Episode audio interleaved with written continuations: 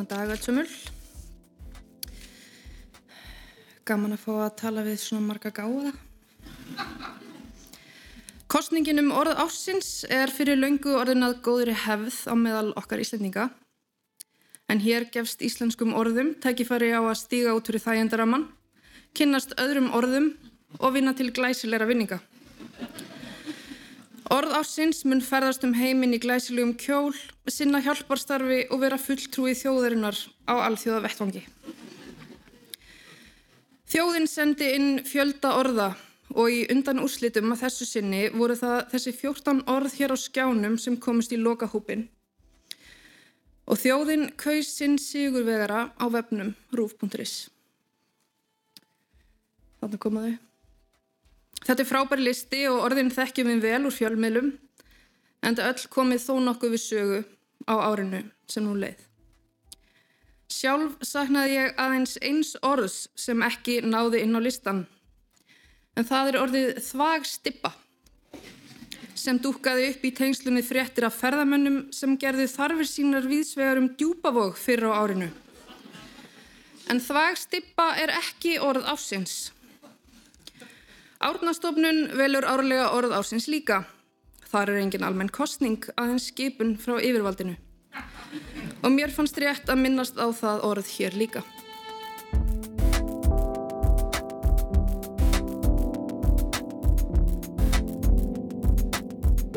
Berglind Festival upplýsti hvert var orð ársins 2023 á menningar viðurkenninga háttíð Ríkisútvarpsins.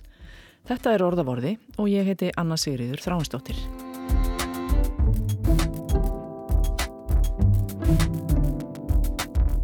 Það er komin hefð á að velja orð ársins en það hafa ríkisútvarpið og stopnun Árna Magnússonar staði fyrir því, ímest saman eða hvort í sínu lægi, frá árinu 2015.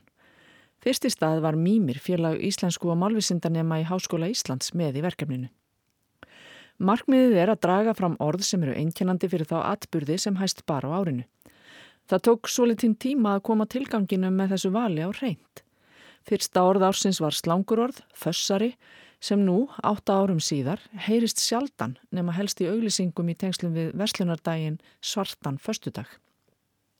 Það er varlega hægt að segja að fössari hafi endur speiklað umræðuna eða verið einkennandi fyrir árið 2015. Þetta er fyrst og fremst slangurorð sem hafi verið í nútkunni ákveðnum hópum en breytist svo út eins og gengur. Og eins og gengur með slangur saði svo útbreysla til um hvort orðið ætti einhverja framtíð og hún reyndist ekki svo laung. Tvent verðist engum hafa ráðið vali fólks á orði ársins fyrstu árin. Annars vegar hvort það þótti fallegt og hins vegar hvort það var nýjirði. Oftar bent á að þetta veri ekki fegurðarsamkefni. Þótt Berglind Festival hafi raunar kringt orð ársins 2023 eins og hverja aðra fegurðardrottningu og við heyrðum í upphafið áttarins. Raunar er orð ársins stundum bæði nýjirði í málinu og einkennandi fyrir þá atbyrði sem bar hátt á árinu. Það gerðist til dæmis árið 2019 þegar hamfara hlínun var orð ársins. Hamfara hlínun er sannarlega nýjirði. Orðið varð algengt í almennri umræðu um lofslagsmál sem var mikil allt árið 2019. Fyrstu heimildir um það eru þó frá 2013. Ágústa Þorbergsdóttir, rittstjóri hjá stopnun Árna Magnússonar, saði að elsta þekta dæmið um orðið hamfara hlínun væri í grein eftir Ara Trausta Guðmundsson, jarðeðlisfræðing, í fréttablaðinu 2013. Hann segir þar, samkvæmt umhverfistofnun saminuðu þjóðana og alþjóðabankanum má aðeins vinna lítinn hluta óunnins kólefnis eldsnetis ef komast á hjá hamfarlínun, tilvittnin líkur. Þórun Sveinbjarnardóttir, fyrirverandi umhverfisráð þeirra, notaði orðið skömmu síðar í greini fréttablaðinu um styrk gróðurhúsaloftegunda í lofthjópnum. Þótt fyrstu heimildirnar séu frá 2013 varð orðið ekki algengt í almennri umræðu um lofslagsmál fyrir en Steinun Sigurardóttir Rítöfundur notaði það á bókmæntaþingi voru 2015. Orðið varð áberandi í fjölmiðla umræðu en var einnig mikið notað annar staðar, til dæmis í umræðum á alþingi. Ágústa benti líka á að hamfara hlínun væri ekki fræðiorð. Það veri gildislaðið og lísti ekki núverandi ástandi í láslagsmálum en með forvörnum mætti komast hjá slíkri hlínun sem hefði skjelvilegar afleðingar fyrir náttúruna og jærðarbúa. Nattræn hlínun, sem er þýðinga á enska hugdækinu Global Warming, væri aftur á móti fræðilegt orð, notaðum þá hækkun á meðal hýtastígi sem orðið hefði á jörðinni frá því að mælingar hófust. En svo framhefur komið var hamfara hlínun orð ársins 2019 bæði hjá orðnastofnun og rúf. Sérfræðingar árnastofnunar sækja orð ársins í mikla málheild sem samanstundur meðal annars af textum úr fjölmiðlum og ræðum og umræðum á alþingi, svo dæmi séu nefnd. Í málheildinni er hægt að sjá nótkunn og tíðni einstakra orða á árinu. Undir lok hvers árs býður rúf nótendum sínum að senda inn tillögur að orði eða orðum sem þeim finnst vera einkennandi fyrir umræðuna á árinu. Á hverju ári berast fjölmarkar tilugur og úr þeim er settu saman listi yfir þau orð sem þykja verið í mestu samrami við markmiðið. Þegar hamfara hlínun var orð ársins að mati bæði notenda rúf og átnastofnunar árið 2019 var lofslagskvíði líka meðal þryggja efstu orðana í valinu. Lofslagskvíði var líka einkennandi fyrir umræðuna á því ári og það eru sterk merkingarleg tengsl millir þess og orðsins hamfara hlínun. Þriðja orðið var pókasvæði Þetta var einmitt árið sem maturverslanir tóku upp sjálfsafgreðslukassa í stórum stíl. Við skulum nú snú okkur aftur að orði ársins 2023. Árnastofnun velur árlega orð ársins líka. Þar er engin almenn kostning aðeins skipun frá yfirvaldinu. Og mér fannst rétt að minnast á það orð hér líka. Orð ársins, samkvæmt árnastofnun, er orðið gerfigreint. Ég veit að við erum öll orðin svo spennt að vita úrslitt kostningarinnar að ég ætla ekki að dvelja lengur við það. Einfallega frábært orð. En aftur að þessum 14 orðum sem þjóðin valdi, aldrei hafa fleiri tekið þátt í kostningunni um orð ásins en í ár flyktust þúsundir Íslandinga að snjaltækjum og tölvuskjóm og völdu sitt uppáhaldsorð sem þótti mest lýsandi fyrir árið 2023. Í þriðja sæti með 11% atkvæða er orðið strókulags. Strókulags er lags sem hefur sloppið úr sjókví en þúsundir lagsa slupp úr sjókví í Patricksfjörði í sumar og fjöldi eldislagsa gekk í lagsveiði ár. Lagsar hafa aldrei verið jafn töff og árið 2023 en þessir ljúfu rennilegu fiskar eru nú þekktir fyrir að vera vildir þeir strjúka, þeir fá lús og eru óþekkir. Margir þessara strókulagsa eru þó góðir inn við róðið og virðast eiga stað í hjörtum okkar Íslandinga, allavega 11% þáttaknæta þessara kannanar. Í öðru sæti í kostningunum orð ásins með tæp 15% atkvæða er orðið gikkskjálti. Þegar kvika flæðir inn í jarðlög og myndar kvikugang verður spenna í jarðskorpunni sem losnar í gikkskjáltum. Á tímum sem þessum er mikilvægt að kunna orð eins og gikkskjálti.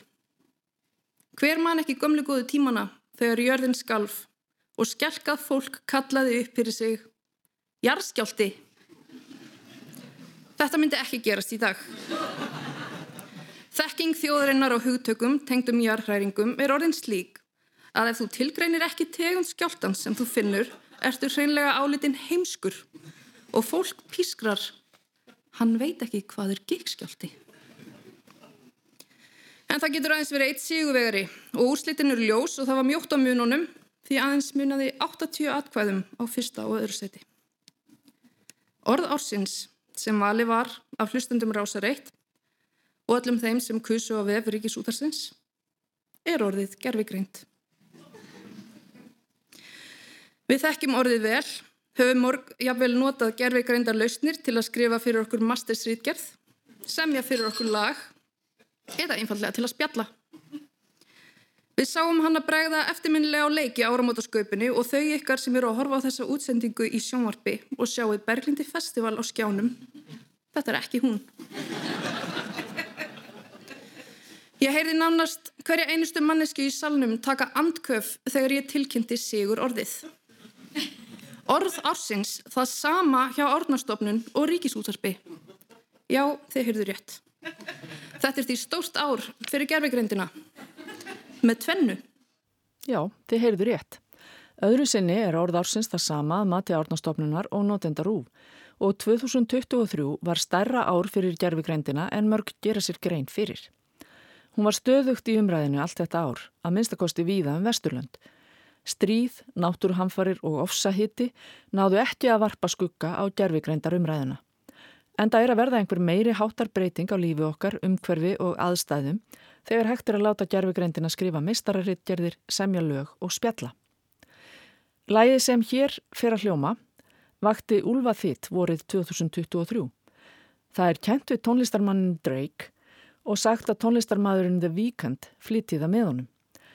Lægið heitir Heart on my Sleeve og er sagt vera um tónlistarkonuna Selenu Gómez sem mun hafa átt í ástarsambandi við The Weeknd um tíma.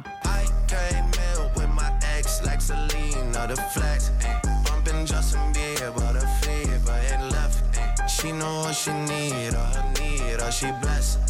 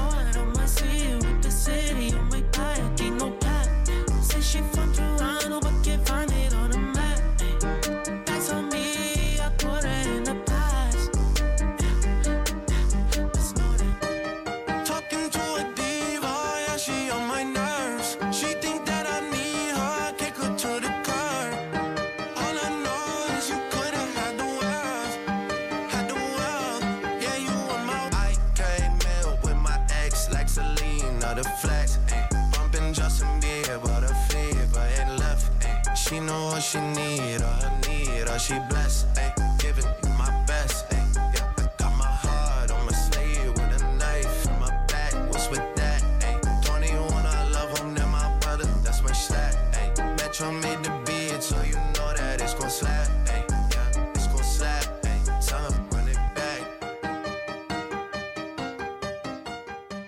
Úlfaþýturinn sem þetta lag vaktist að var kvorki af umfjöllunarefninu nýja fluttningnum heldur því að lægið er alls ekki eftir Drake, heldur búið til af gerfigreind og hvorki Drake nýja The Weeknd komu nálagt gerðess.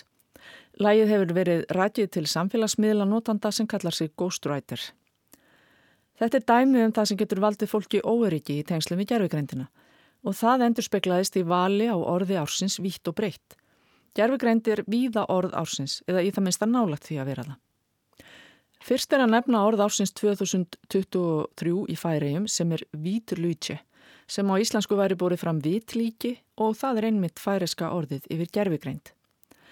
Í Luxemburg er gerfigreind líka orð ársins 2023. Þar heitir hún Künstlich Intelligenz sem er stitt í KI e. og franska orðið yfir gerfigreind var í öðru sæti meðal orða ársins í Sviss á síðasta ári. Stóru bresku og bandarísku orðabókaútgáurnar útnefna árlega orð ársins. Yfirleitt er það orðið sem oftast er slegið upp í orðabókunum. Í orðabókum Collins er AI eða AI orð ársins, skamstöfun fyrir Artificial Intelligence eða gerfigreind. En þó svo að sjálft orði gerfigreind hafi ekki verið orð ársins í hinnum og þessum löndum, tengjast þau þó oft gerfigreindinni. Orð ásins í Danmörku er til dæmis ChatGPT sem er nafnið á gerfigreindar mállíkaninu sem kom fram í árslög 2022 og varð að segja má upphafið að allir umræðinu um gerfigreindina árið eftir. Í Noregi er orð ásins KI generert notað um það sem er búið til með notkun gerfigreindar. KI er stytting á kunstli intelligence. Eitt af þeim orðum sem tungumálastofnun Finnlands tókin í gagnagrunna sína á síðasta ári er gíelimalli sem þýðir mállíkan. Sumar stóru ennsku orðabókaútgáðurnar voru líka á gerfugreindarslóðum. Orð ársins hjá Merjam Webster er authentic sem merkir ekta eða ósvikið, það er að segja ekki fölsun eða eftirlíking. Authentic er oft sett í nýtt samhengi, það er við vöxt og viðgang gerfugreindarinnar sem getur haft í för með sér að skilin millir þess sem er raunverulegt og þess sem er það ekki verða óljósari. Hjá Cambridge orðabókinni og dictionaries.com var hallucinate orð ásins 2023.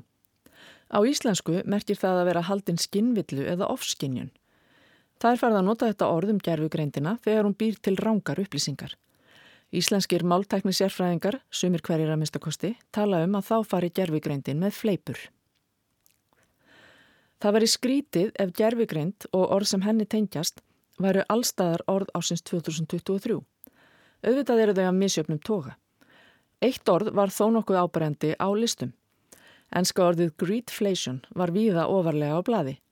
Greedflation er hagnaðardrifin verðbolga sem er það að nýta sér verðbolgu til að hækka verð í hagnaðarskinni án þess að þörf sé á verðhækkun. Á íslensku hefur hún verið kalluð græðgisbolga. Þetta er orð ársins 2023 bæði í Hollandi og Belgiu og svo ég spreyti mig nú á framburði fremur að vilja en mætti Þá kallast hún Hæflatsje á hollensku. Græðgisbólgan var víða annar staðar á listum yfir möguleg orð ársins þótt hún hafi ekki hreft norsið allstaðar. En við höfum ekki enn sagt skilið við gerfigreindina.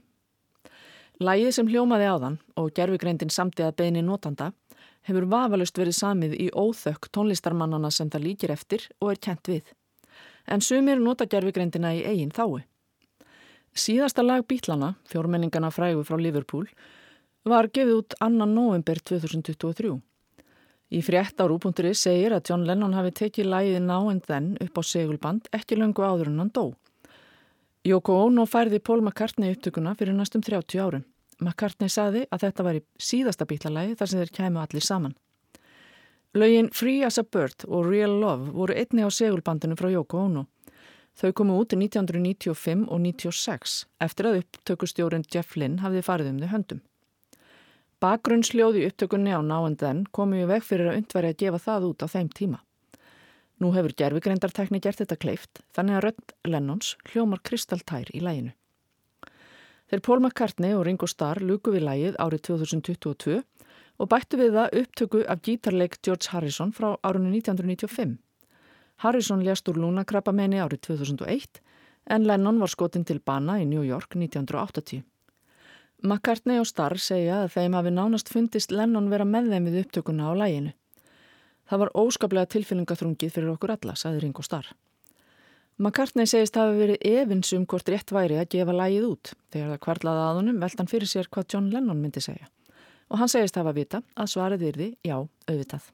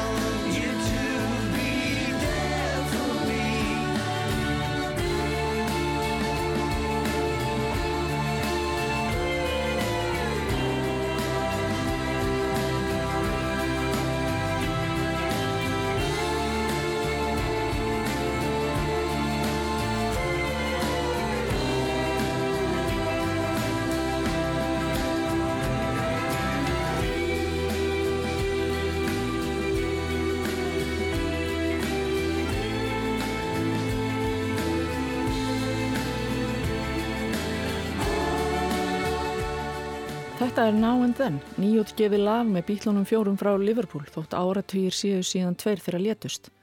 Allt virðist vera mögulegt með aðstóð gerfugreindarinnar. Í greinum orð ársins hjá orðnastofnun, í hugrás, vefriti hugvísindastofnunar Háskóla Íslands, segja Ágústa Þorbergsdóttir, Starkaður Barkarsson og Steinþór Steingrimsson að valið hafi að mörguleiti verið erfiðara en árin á undan. Ekkert eitt orð hafi staðið upp úr eins og árin áður þegar sóttkví, bólusetningar, eldræringar og innrás rúsa í Ukrænu settu marksitt á umræðina. Það sama er að segja um val notenda rú, því mjótt var á munum millir gerfugreindar og gikkskjálta eins og Berglind Festival greindi frá fyrir þættinum. Í greininni má lesa fróðuleg um bæði orðið og fyrirbæri gerfugreind. Það er nokkuð flókin útskýring, en það er þetta alls ekki einfalt mál. Á þessari nýju tekni sem byggist á marglaga tauganettum Þetta eru stærfræði líkon sem geta geimt og unnið með myndir eða texta sem eru greint í eindir sem hægt er að staðsitja í netinu með vigurreikningi. Mest ábyrrandi séu svo kalluð myndandi gerfigreindarlíkon. Þá sé átt við að líkonunum sé fyrst og fremst ætlað að framkalla eða mynda eitthvað tiltekið efni, yfirleitt texta eða myndefni. Fyrstu útgáfur gerfigreindarforrita sem greinar höfundar kalla myndgerðla komi fram 2022. Þau geta framkallað raunsæjar og óraunsæjar myndir byggðar á textalýsingu þess sem búnaðin notar. Myndir sem þessi líkon gera verða æg meira ábyrrandi en það er auðvelt fyrir hvert sem er að búa til myndir eftir eigin höfði. Spjallmenni tjatt GPT kom á markað undir áslokk 2022. Það getur svarað fyrir spurnum og búið til texta á fjölmörgum tungumálum. Nýjasta útgáðan byggist á gerfugreindarlíkjaninu GPT-4. Það er myndandi mállíkan sem getur búið til eða mynda texta. Tæknin, segja greinarhefundar, byggist á hæfni líkanana til að finna minnstur í risastórum textasöfnum, yfirleitt textum sem sapnað hefur verið af netinu. Í greininni kemur fram að umræðað um þessi líkon hafi verið ábyrrandi á Íslandi eins og annar staðar. Orði gerfigreint kemur 2076 sinnum fyrir í völdum gögnum risamálheldarinnar fyrstu tíu mánuði ársins 2023 en aðeins 339 sinnum árið áður. Það er því sankallaður hástökvari. Þá kemur orðið einni fyrir í samsetningum, svo sem gerfugreindarforrið, gerfugreindartækni, gerfugreindarlíkan og gerfugreindar mállíkan. Þau orð komi einnig oftar fyrir 2023 en árin á undan. Gerfugreind kemur mun sjálfnar fyrir sem síðar liður í samsetningum. Þó séu til á því undantekningar, til dæmis í orðinu samræðu gerfugreind. Greinarhöfundar vekja aðtikli á að orð ársins sé ábyrrandi oft með greini. Enda byrtaðu orð ársins með greini í sviga á eftir orðstofninum. Gerfi greint, svíi opnast, ín, svíi lókast. Þau benda á að nafliðum í íslensku sé stundum skipti ákveðna og óákveðna. Til ákveðina nafliða teljast nafliðir sem hafa nafnord með viðskettum greini sem aðalorð. Þegar nýjar upplýsingar eru kynntar verður að nota óákveðin naflið aðalorð án greinis. Það kallast gamlar upplýsingar þegar vísaðir til þess sem áður hefur verið nefnt í samtali eða frásögn eða þegar vísaðir til einhver sem fellur undir almenna þekkingu þess sem rættir við. Þá er notaður ákveðin nafliður. Dæmi um það eru setningarnar sólins kín, lögreglan er komin á vettvang. Gamlar upplýsingar segja þau að síðu stundum skilgrendar þannig að þeir sem tala saman haldi nokkus konar skrá yfir það sem er í umræðinni. Það sem er á dagskráfi samtali flokkast undir gamlar upplýsingar. Svo er sumt alltaf á skrá og til þess má vísa með nafnorðum með greini í upphafi samræna. Hér er dæmi í fyrirsögn af vísir.is. Gervigreindin geti ekki útrýmt þýðendum. Þegar vísa er í gervigreind með þessum hætti, það er með greini án þess að hún sé kynnt fyrst til sögunar, er nær undantekninga löst átt við nýju líkunin, segja greinarhöfundar, hugbúnað sem byggður er á myndandi mállíkunum eða myndgerlum. Það með því kannski segja að setningagerðin staðfesti að myndandi gerfugreindar líkun séu á dagskrá í umræðinni. En hversu gamalt er orðið gerfugreind? Því er líka svarað í greininni á hugrás.